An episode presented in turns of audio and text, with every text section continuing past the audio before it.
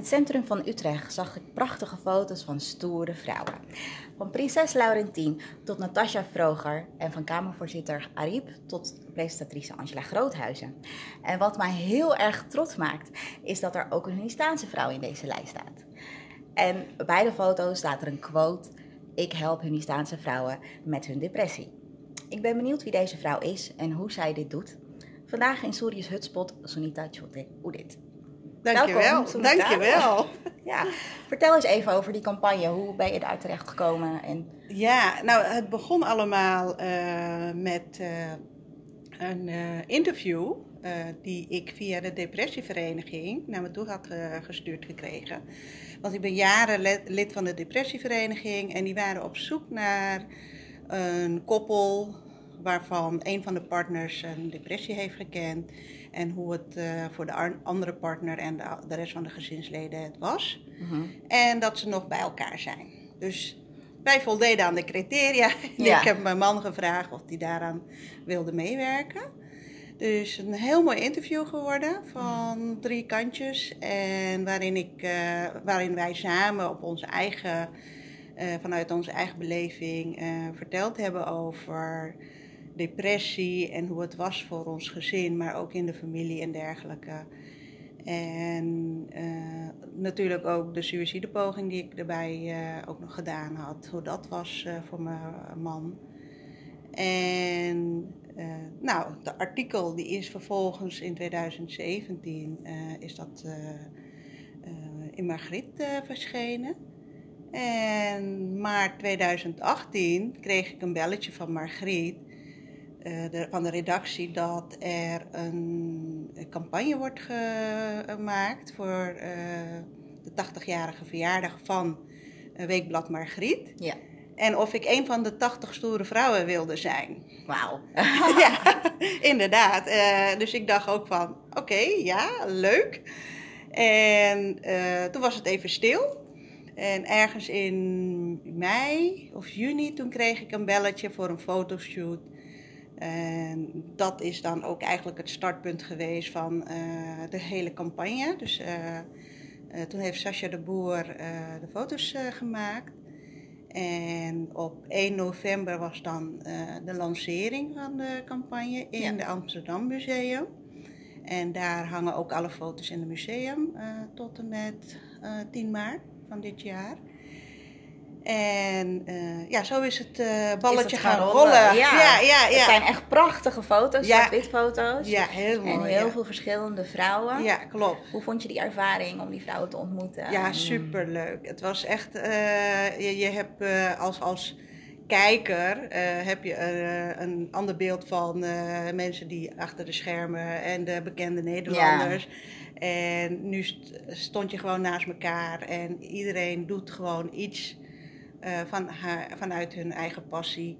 Eh, de, vrouw van Jaap van Zweden bijvoorbeeld, die heeft dan een stichting opgericht eh, voor kinderen met autisme en ook natuurlijk de ouders, eh, hoe je ermee moet omgaan. En zo heeft ieder, iedere vrouw eh, iets eh, eh, van haar passie eh, omgezet in het doen. Ja. Gewoon, gewoon En, en doen. die foto's die werden dan ook allemaal in, ik- want het was niet alleen in Utrecht, in de binnenstad van Utrecht, maar ook... Nee, het is eh, een landelijke campagne. Ja. eh, en ehm, wij zijn dus eigenlijk, eh, het is in Amsterdam gestart. En om de zoveel weken zouden de foto's in Den Haag, Rotterdam, in de grote steden Ja, eh, gepubliceerd worden als trotter of eh, ergens op, eh, ja, in Utrecht hangt het op, uh, Ja, ja, ja.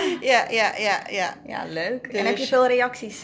Ja, ik heb heel veel leuke, positieve reacties gehad. Eh, ja, het is gewoon echt super gaaf dat het op een hele leuke manier is ontvangen. Ja, En, eh, en dat heeft ook weer eh, eh, geleid tot er veel meer vrouwen, maar ook mannen. ja. Ja, dat moet ik, moet ik er wel bij zeggen. Dat er ook eh Hindoestaanse mannen ook inzicht hebben gekregen wat depressie doet. En dat je hulp mag en kan vragen. En dat Ja. er niks mis mee is met Ja. hulp vragen. ja. Ja, Dus dat, was, eh, dat heeft het eh, ook nog eens eh, extra opgeleverd. Ja, nou, dat, was, ja. dat is dan zeker een goed ja, doel ja, ja, ja, ja, zeker. Maar het is dus begonnen doordat jij met het artikel in de Magriet, waar, je- of tenminste eerst voor de depre- depressievereniging, later is dat gepubliceerd in, in de Magriet. Ja, klopt. En daarin heb jij je verhaal gedaan. Ja, samen met mijn man. want ja, voor een Hindoestaanse echtpaar is het ook natuurlijk een stap hè, om een klopt. interview Ja. eh, in een landelijke weekblad te laten plaatsen. Maar, eh, en ik had zo van ja, laten we het gewoon doen. Want, het is, eh, want je hoort altijd wel de verhalen van andere mensen. En nu had ik echt zo van, ja, dat, dat wil ik ook wel delen. Maar ook omdat mijn verhaal ook wel eh, mijn basis is geworden vanuit mijn, waarom ik mijn werk doe Ja. als ervaringsdeskundige. Dus, Ja. eh, en dat is, eh, eh, ja, dat is ook erg eh, leuk ontvangen. Ook, naar, eh, ook op werk van mijn man, dat ook andere mannen gewoon daar ook open en eh, eh, ja, in openheid durven te praten over depressie of eh, wat er eh, met hun partners aan de hand Ja. zijn. Dus dat is wel eh, een mooie ehm, inzicht wat het eh, bij ook andere mensen opgeleverd heeft. Ja, want Ja. jij bent dus depressief geweest. Ja. Je hebt daar Klopt. een hele ja, een reis ingemaakt. Je noemt Ja, het een reis. ja, ja. klopt. Dat kan je zeker noemen. ja. Ja, ik was, ehm, even kijken, dan moet ik goed nadenken. Eh, op mijn 27ste heb ik eh, door mijn eh, depressie heb ik een suïcidepoging gedaan. En dat was eigenlijk ook het meest ontwrichte moment in mijn eigen systeem. En waarop ik dacht van, nou, ik ben er klaar mee en het is wel goed zo. En waarop ik een weekendje uit met mijn man onderweg de autodeur openmaakte op de snelweg. En waar hij zelf enorm van schrok. Maar, eh, en bij mij was het echt van een soort van een blackout. eh, ik was er klaar mee. En, Ja, je wilde er Eh, ja, tussenuit. precies. De, de, de- ik wilde er tussenuit. En teruggekomen naar huis, eh, toen is er een ambulance erbij geweest, omdat ik dus heel erg in paniek raakte, ging hyperventileren. En dat was ook het moment dat er eh, gezegd werd van, eh, het zit tussen haar oren. Ja. Mhm. Nou ja, toen had ik zo van, oké, wat? ja. En ehm, nou, eerst Want je, wist, ik... je had geen idee wat er gebeurde in je lichaam. Nee, nee, en, nee, nee, eh, totaal niet. En eh, thuis was ook een, eh, was het ook de, eh, de, de thuissituatie was ook niet echt ehm, zo, eh, stabiel om, te, eh, om jezelf te kunnen zijn, maar en ook over je gevoelens en emoties met je ouders te kunnen praten. Ja. En eh, dus alles wat ik eigenlijk voor mijn 27ste eh, heb doorlopen, meegemaakt aan gebeurtenissen en ja, ervaringen die er waren, die misschien ook wel indirect niet op mij, eh, die niet voor mij eh, bedoeld waren, maar dat je dus indirect getuige bent van een echtelijke ruzie, Ruzie, van, je, ja. ruzie ouder, van je ouders of iets dergelijks. En dat heeft allemaal zoveel impact op me gehad. En mijn, eh, ja, eh, eh, dat ook een eh, invloed heeft gehad op mijn gedrag. Dat ik een gesloten iemand, een teruggetrokken iemand was. Weinig eh, weerstand geven of voor jezelf opkomen.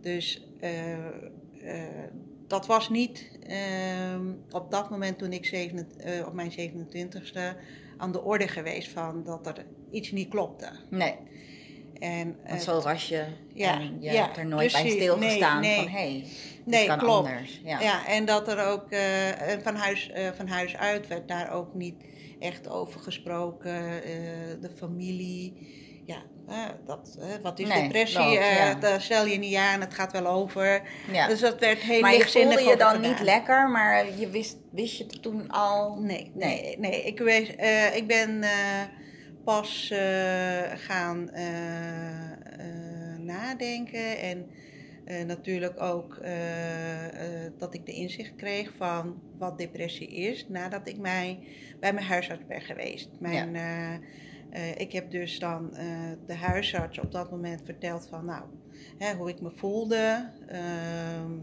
geen, geen, ja, heel, heel somber. geen zin in het leven maar ook heel passief.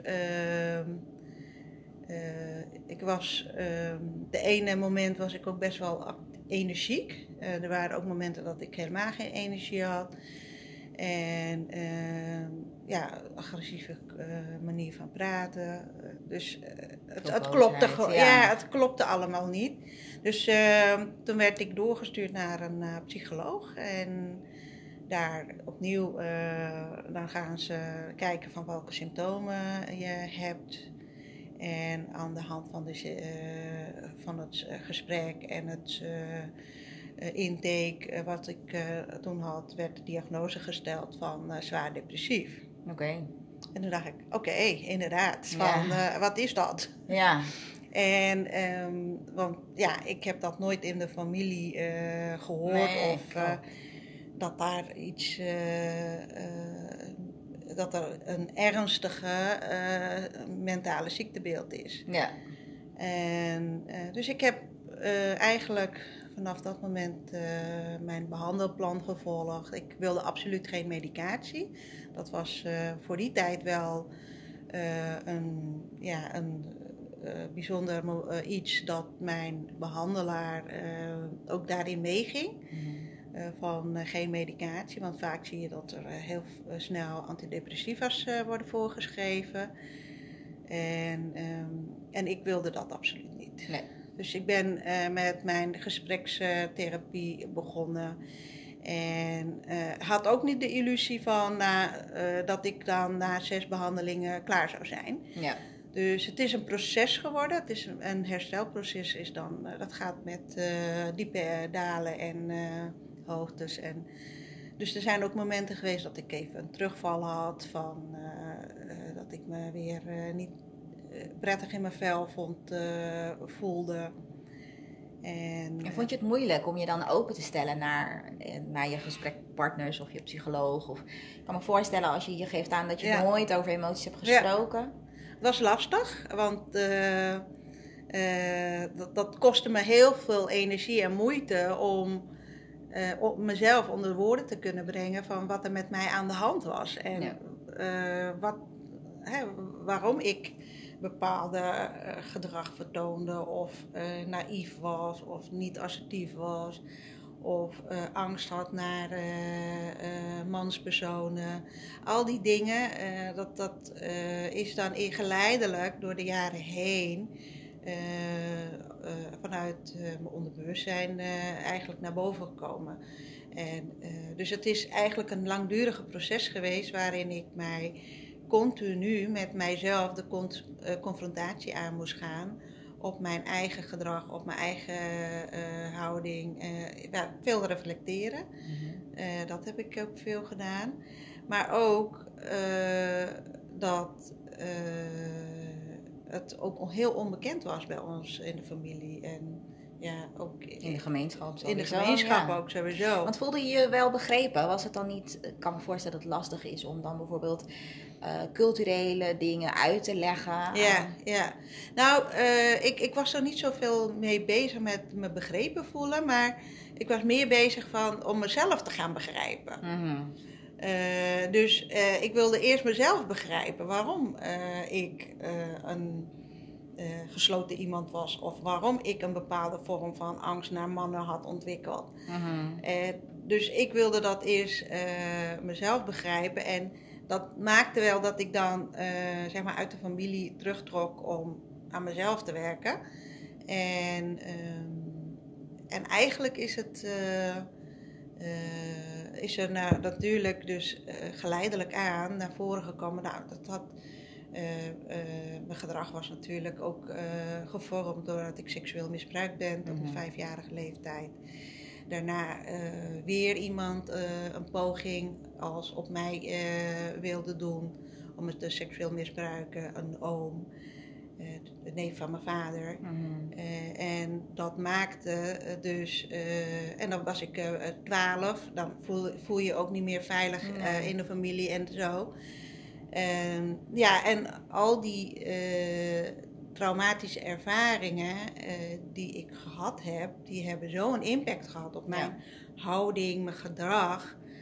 Dat ik pas echt ben gaan begrijpen nadat ik mijn eh, behandelingen heb doorlopen. Nadat, en het was dan eh, de ene keer met een psycholoog, de andere keer met een hypnosetherapeut, dan weer met een regressietherapeut. Het is gewoon echt een ontdekkingsreis geworden van, eh, eh, naar, van mezelf en naar wat er in mijn systeem gebeurde. En eh, hoe ik dus al die negatieve ervaringen een plek kan geven. Eh, hoe ik eh, mezelf zou eh, kon bevrijden van de pijn en verdriet. Want ja, de situatie blijft. Die, Ja. die, die, die ervaring, dat zal er altijd zijn. Ja, Maar hoe haal je dan het pijn en de verdriet weg? ja, En dus, en ja, al die traumatische ervaring, maar ook een, een, een ruzie tussen ouders, Mhm. dat kan ook, een heel, veel, dat kan ook heel veel impact Dat heb je, hebben ja. op jou als opgroeiende eh, kind. Mhm.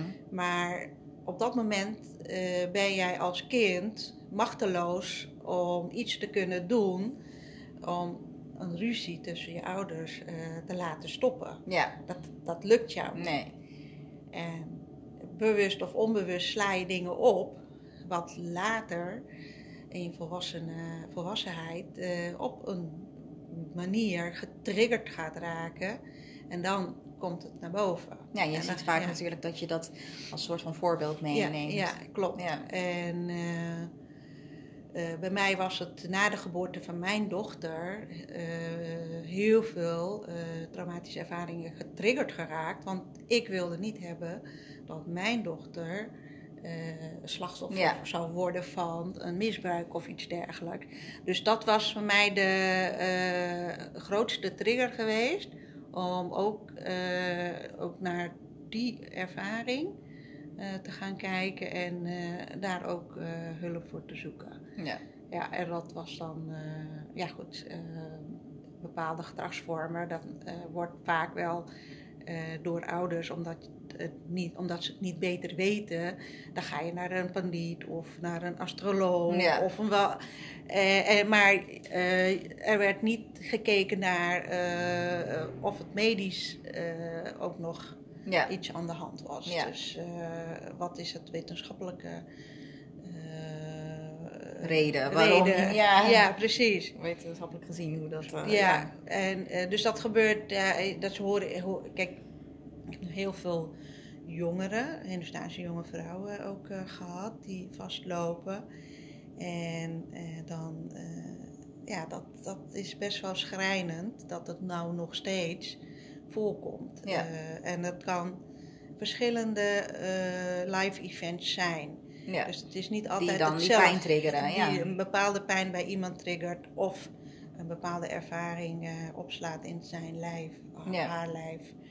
En daar eh, op termijn last van begint te krijgen. Ja, bij jou heeft die zoektocht wel echt, eh, of tenminste, want je vertelde inderdaad Ja. die depressieve gevoelens. Hoe lang heeft het geduurd dat je je beter begon te voelen? Of dat je... Ik ben bij elkaar eh 13 jaar bezig geweest met mijn herstel. Dus ja. eh, vanaf mijn 27ste tot ongeveer 35 of zo. En eigenlijk vanaf dat moment eh, eh, gewoon. na mijn 40ste was het echt over en eh, was er mindset bereikt. alle belemmerende overtuigingen, ervaringen. dus mijn belemmering gaf in het functioneren Mhm. in, in mijn dagelijks functioneren. Dat is dan nu eh, allemaal opgeruimd, heeft een plek gekregen. Dus dat is eigenlijk eh, na mijn 35ste is het eh, gewoon veel meer beter gegaan. met Ja. en ja, dus het is een proces. Het is, Het is niet van de ene op de andere nee, dag weg. want als je Nee. praat over psychische aandoeningen, dan, ja, dan, dan is het voor de omstanders, familie eh, en ouders uh, belangrijk om te beseffen dat, dat, dat je daar niet lichtzinnig over uh, moet denken. Want het is een proces en bij de ene persoon is het proces anders dan bij, het, bij een andere persoon. Ja. Want je weet niet hoe iemand een, een trauma ervaren heeft of opgeslagen heeft in het onderbewustzijn. Ja. Het is, kijk, een gebroken arm ja. Dan weet je van, oké, zoveel weken herstel. Uh, dit zijn dan de dingen stappen, die je moet, stappen die je moet doen. En dan is het na zoveel weken helemaal uh, hersteld. En dan kun je je arm weer gebruiken. Ja. Nou, zo is dat niet met psychische aandoeningen. Nee. En uh, dat is per persoon anders. En het is eigenlijk maatwerk. Ja. En alle beetjes helpen in dat proces uh, voor iemand. En het is, uh, ja, de ene keer heb je dan een psycholoog nodig, de andere keer een goede vriendin uh, of een coach. Of, dus het ja. is voor elk moment in dat leven is dat gewoon een andere persoon of, of een boek. Ja. E-held. Ja. Wat er tegenwoordig ook heel veel ingezet wordt. Dus het is, uh... Want je hebt het over belemmerende gedachten, uh, ja. over je zelfbeeld. Zijn ja. dat de eerste dingen waar je over aan moet werken? Ja, het zelfbeeld uh, was bij mij heel erg negatief. Hè? Mhm. want, ehm, want daar begint het mee, hè? het zelfbeeld. Hoe kijk je naar jezelf? Maar ook heel veel belangrijk is wat, de liefde, Mhm. die je als kind niet hebt gehad. oh, um, ook uh, de uh, traumatische ervaringen die mogelijk uh, er in het leven is geweest. Want, en hoe iemand dat traumatisch ervaart, dat ja. is ook weer anders. anders hè? Dat klopt, niet ja. meteen. Precies. Ik bedoel, jij hebt inderdaad iets heel heftigs Ja, met seksueel misbruik meegemaakt. maar ja. andere mensen kunnen weer andere dingen die Ja, minder... kijk, een, een, een auto-ongeval kan ook voor de een eh, traumatisch zijn eh, dan voor een ander. Ja. Dus eh, voor elk mens is eh, een gebeurtenis, eh, dat wordt door, door, door die persoon op een andere manier ervaren. ja, En dat hoeft niet per se hetzelfde te zijn. Dus daarom is het ook eh, ehm, heel. Daarom kun je het herstel van psychische aandoeningen niet wegzetten in van dit is het model ja, en als je dit volgt dan ben je hersteld. Ja. Zo werkt het niet. Nee, nee, nee, nee. nee. Maar eh, heel mijn zelfbeeld, natuurlijk ook eh, eh, assertief zijn. Ik was best wel naïef in de jaren dat ik. eh, maar ik, ehm, eh, ik kon ook niet voor mezelf op. dat had ik niet meegekregen, niet geleerd. Ehm, maar ook door de ervaringen die er waren, dat ik mezelf ook ondergeschikt heb altijd opgesteld. Dus dat, dat je toch nog in een soort van een eh, hiërarchische rol blijft hangen. Hè, Mhm. eh, vanuit de, de thuissituatie, de ouder-kindrelatie. Maar nooit, ik kwam nooit in die gelijkwaardige Ja. eh, relatie met me, mensen in mijn omgeving. Ja, Dus daar was ik best wel mee aan het worstelen. En natuurlijk heb ik mezelf eh, verrijkt met eh, boeken lezen, eh, cursussen. Want aan de andere kant was het ook weer de eh, nieuwsgierigheid die bij mij aangeboord werd van, om, om te willen begrijpen wat er in, die, eh, eh, in, in, die- in het hoofd van ons allemaal omgaat. ja, Dus het psyche van een mens was voor mij zo interessant geworden, zo'n boeiende onder, onderwerp geworden, ja. dat ik me er heel erg in ben gaan verdiepen. En eh, ja, dan kom je al die theorieën tegen van eh, de eh, ijsberg van Cleveland of Maslow. En ja, dat is ook allemaal gebaseerd op dit soort ervaringen. ja. En ja, dat is gewoon leuk om te zien dat dat nog steeds wel klopt. ja. En, en dat er best wel veel negatieve overtuigingen, negatief zelfbeeld, alles kan belemmeren. Stigma, taboe. Eh, ja, het lijstje kan Ja. nog eh, heel, heel Eindeloos groot, eindeloos doorgaan. Ja. Ja, ja, ja. Maar ik denk wel dat het begint met Ja. eh, naar jezelf te kijken. en ook, zoals je zelf ook schrijft, de confrontatie aan te gaan met jezelf. Precies, ja. Echt durven door die pijn en die verdriet te willen gaan.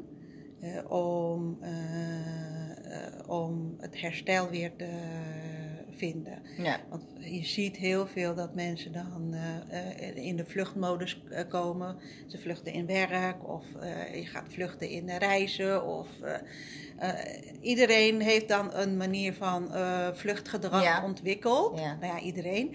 De meeste. Mhm. En, en dat is dan op een gegeven moment kan dat ook weer zoveel energie kosten dat je niet meer kan vluchten voor Ja. je eh, verdriet en pijn. En, de, en dat je dus echt de confrontatie aan moet gaan van wat gebeurt er nou hier in, dat hartstreek.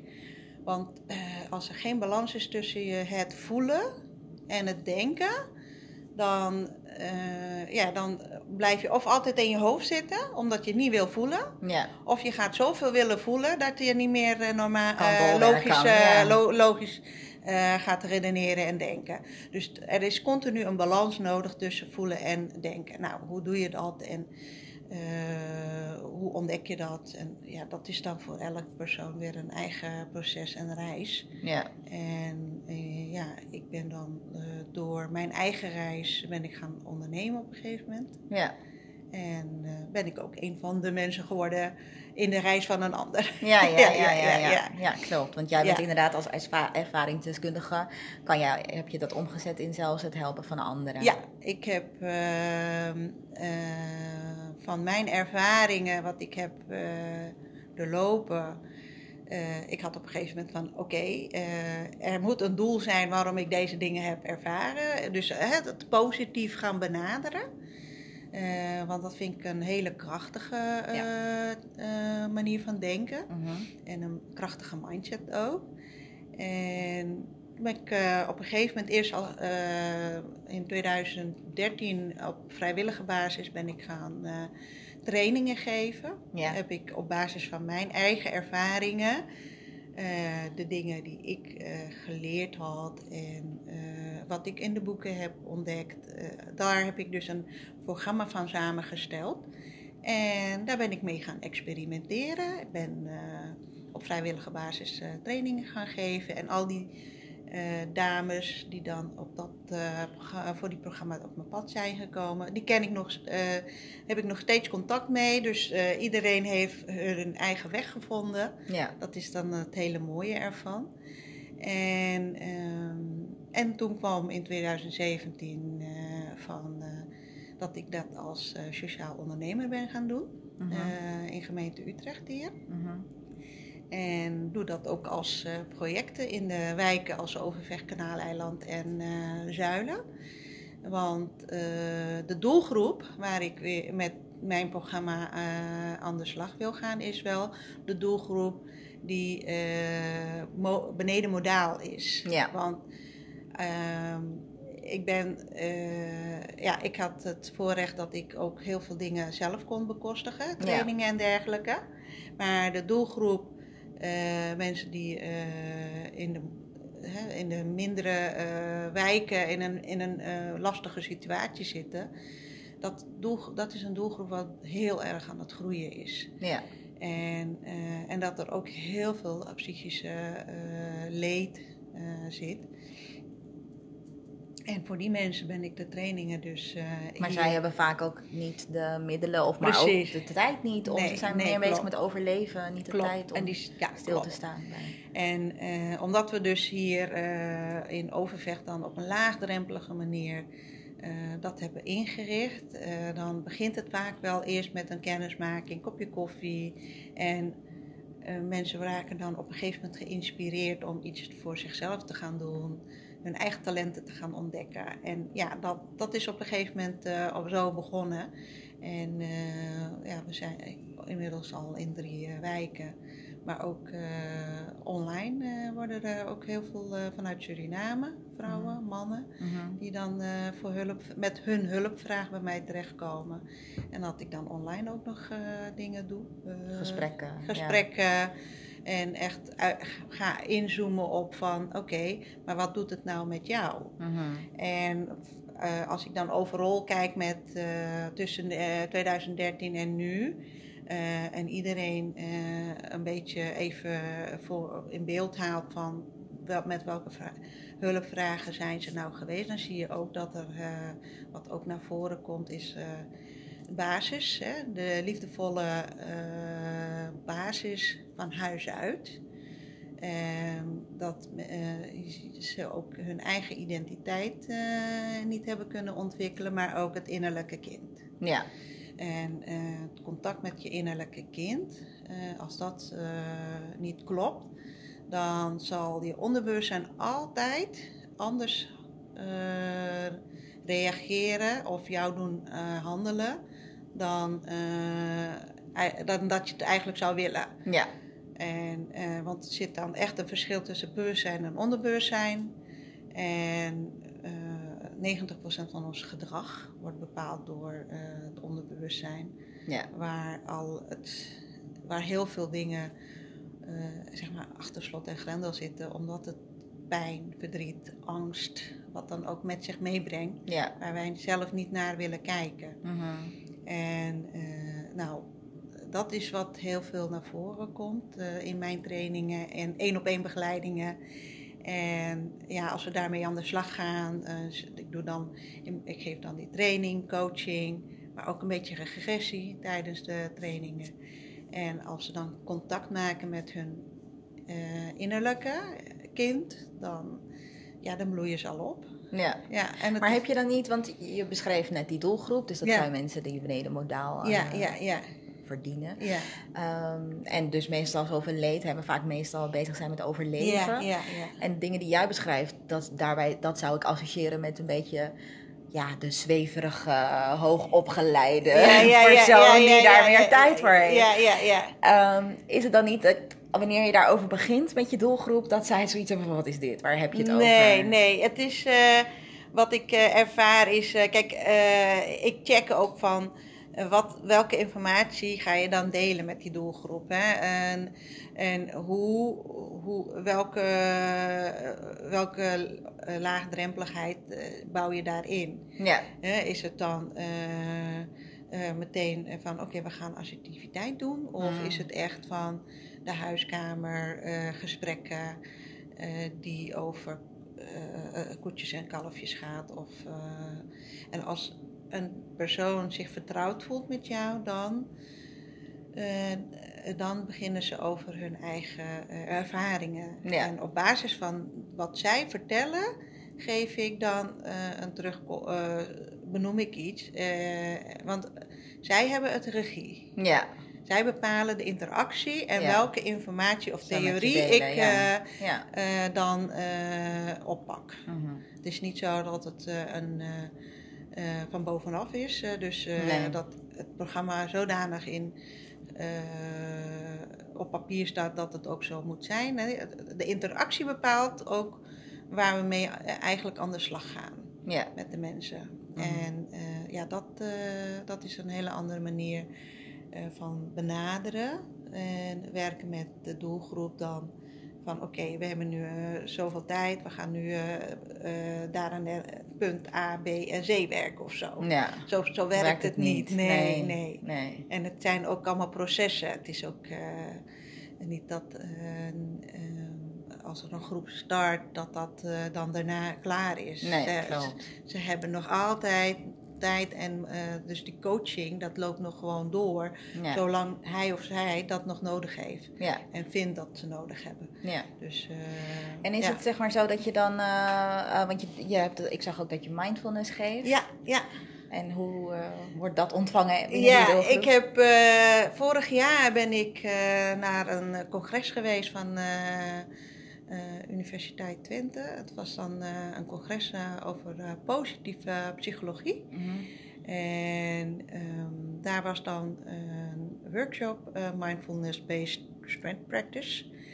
En dat was echt uh, mijn ding, want het wordt vanuit de positieve benadering werd dat uh, en de 24 sterke kanten, daar ga je dan mee werken. En sterke kanten kunnen zijn eerlijkheid, liefdevol zijn, behulpzaam. En zo heb je dan een lijst van 24 universele sterke kanten. En toen werd ik eh, in Overvecht door een organisatie gevraagd om dat als tussenaanbod aan te bieden aan vrouwen uit Overvecht. Dat was een gemêleerde groep geworden, van vrouwen van Eritrea tot, aan, tot Nederlandse vrouwen, Surinaamse, Islamitische vrouwen. En ja, dat is goed bevallen. En ja. zijn leuke dames die opgebloeid zijn. En ja, dat is echt superleuk om te doen ook. Nou, dat, is, dat zijn dan wel een aantal aanbodprogramma's die ook mensen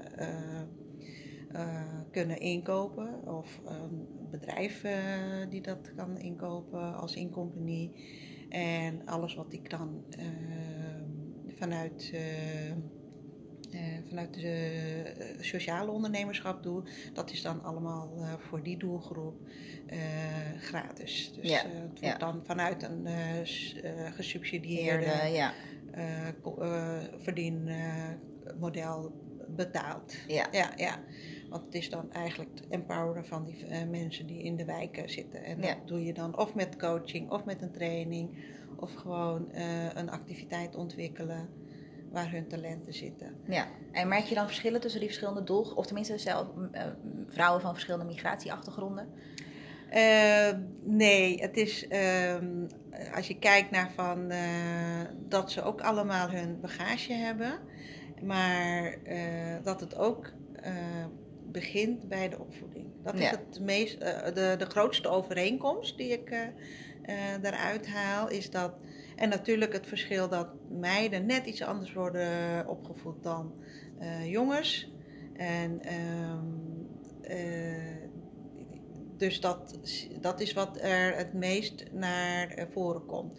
Dus dat die zorg, het zorgen voor een familie of gezin of behulpzaam zijn, dat dat gewoon zo sterk aanwezig wordt mm. in het, uh, of is in het leven van een vrouw, dan dat uh, dus uh, er weinig tijd en ruimte is van, maar wat wil ik nou en hoe wil ik mezelf als vrouw neerzetten in de samenleving? Ja.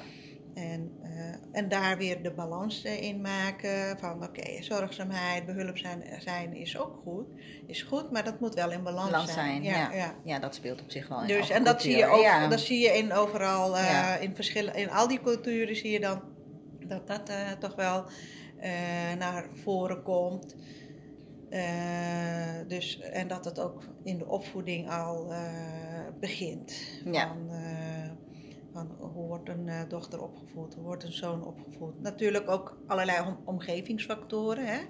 Uh, als je gevlucht bent, is natuurlijk uh, anders, ja. een hele andere achtergrond, waar je ook weer andere dingen mee moet dealen ja. en jezelf mee moet confronteren. En dat heeft ook weer een proces ja nodig. Maar jij focust je vooral op, op, op heling, zeg maar. ja, ja, ja, ja. Helen van hun trauma's. Ja, ja klopt. En, uh, Herstellen, ja. Um, wat je ziet is uh, door de omkanteling van de, uh, door de komst van de participatiewet, dat er ook heel veel op laagdrempelig niveau ingeregeld wordt. Dus um, van uh, hoe doe je dat op een laagdrempelig? Maar het hoeft niet per se gelijk te leiden tot een behandelplan. Nee, Soms kan het uh, al herstellend zijn uh, voor iemand door één of twee dagactiviteiten te gaan, te gaan doen. Op, ja. een, op een laagdrempelige manier hun eigen kennis te gaan inzetten voor een ander. Dus, en dat, dat is het stukje waar, waar, waar ik mezelf ook heel erg in, voor inzet. Ja. ja, dus het informele zorg, uh, waar uh, nu steeds meer ook uh, gevraagd wordt naar ervaringsdeskundigen. Mhm. Zodat, en omdat ook heel veel mensen gewoon in de wijken, in, de, in de, jouw gewoon buurman of buurvrouw kan zijn die met een psychische kwetsbaarheid naast je woont of dat ouderen langer blij, moeten blijven wonen. Ja, ja klopt. Ja, ja. want dan ja. Daarmee zou ik het ook willen afronden. Of tenminste, wat, wat voor tips zou je, zou je de luisteraar kunnen geven? Want inderdaad, hoe, hoe kunnen we herkennen in onze omgeving of iemand depressief is? Of... Ja, kijk, uh, hoe herken je uh, wat, uh, hoe herken je nou dat iemand depressief is? Uh, je kan als, als leek kan je niet direct de signalen zien als je zelf daar niet onwetend, ontwetend over bent. Ja. Dus um, wat, wat ik aan tips wil geven voor jezelf, maar ook voor de buurvrouw of buur, buurman. Maak gewoon een praatje met, uh, met diegene. En voor jezelf is het van, als het om je eigen gaat en je merkt dat je al lange tijd somber bent, geen, geen zin in hebt in de dingen doen in je werk of met je gezin wat doen of met je familie.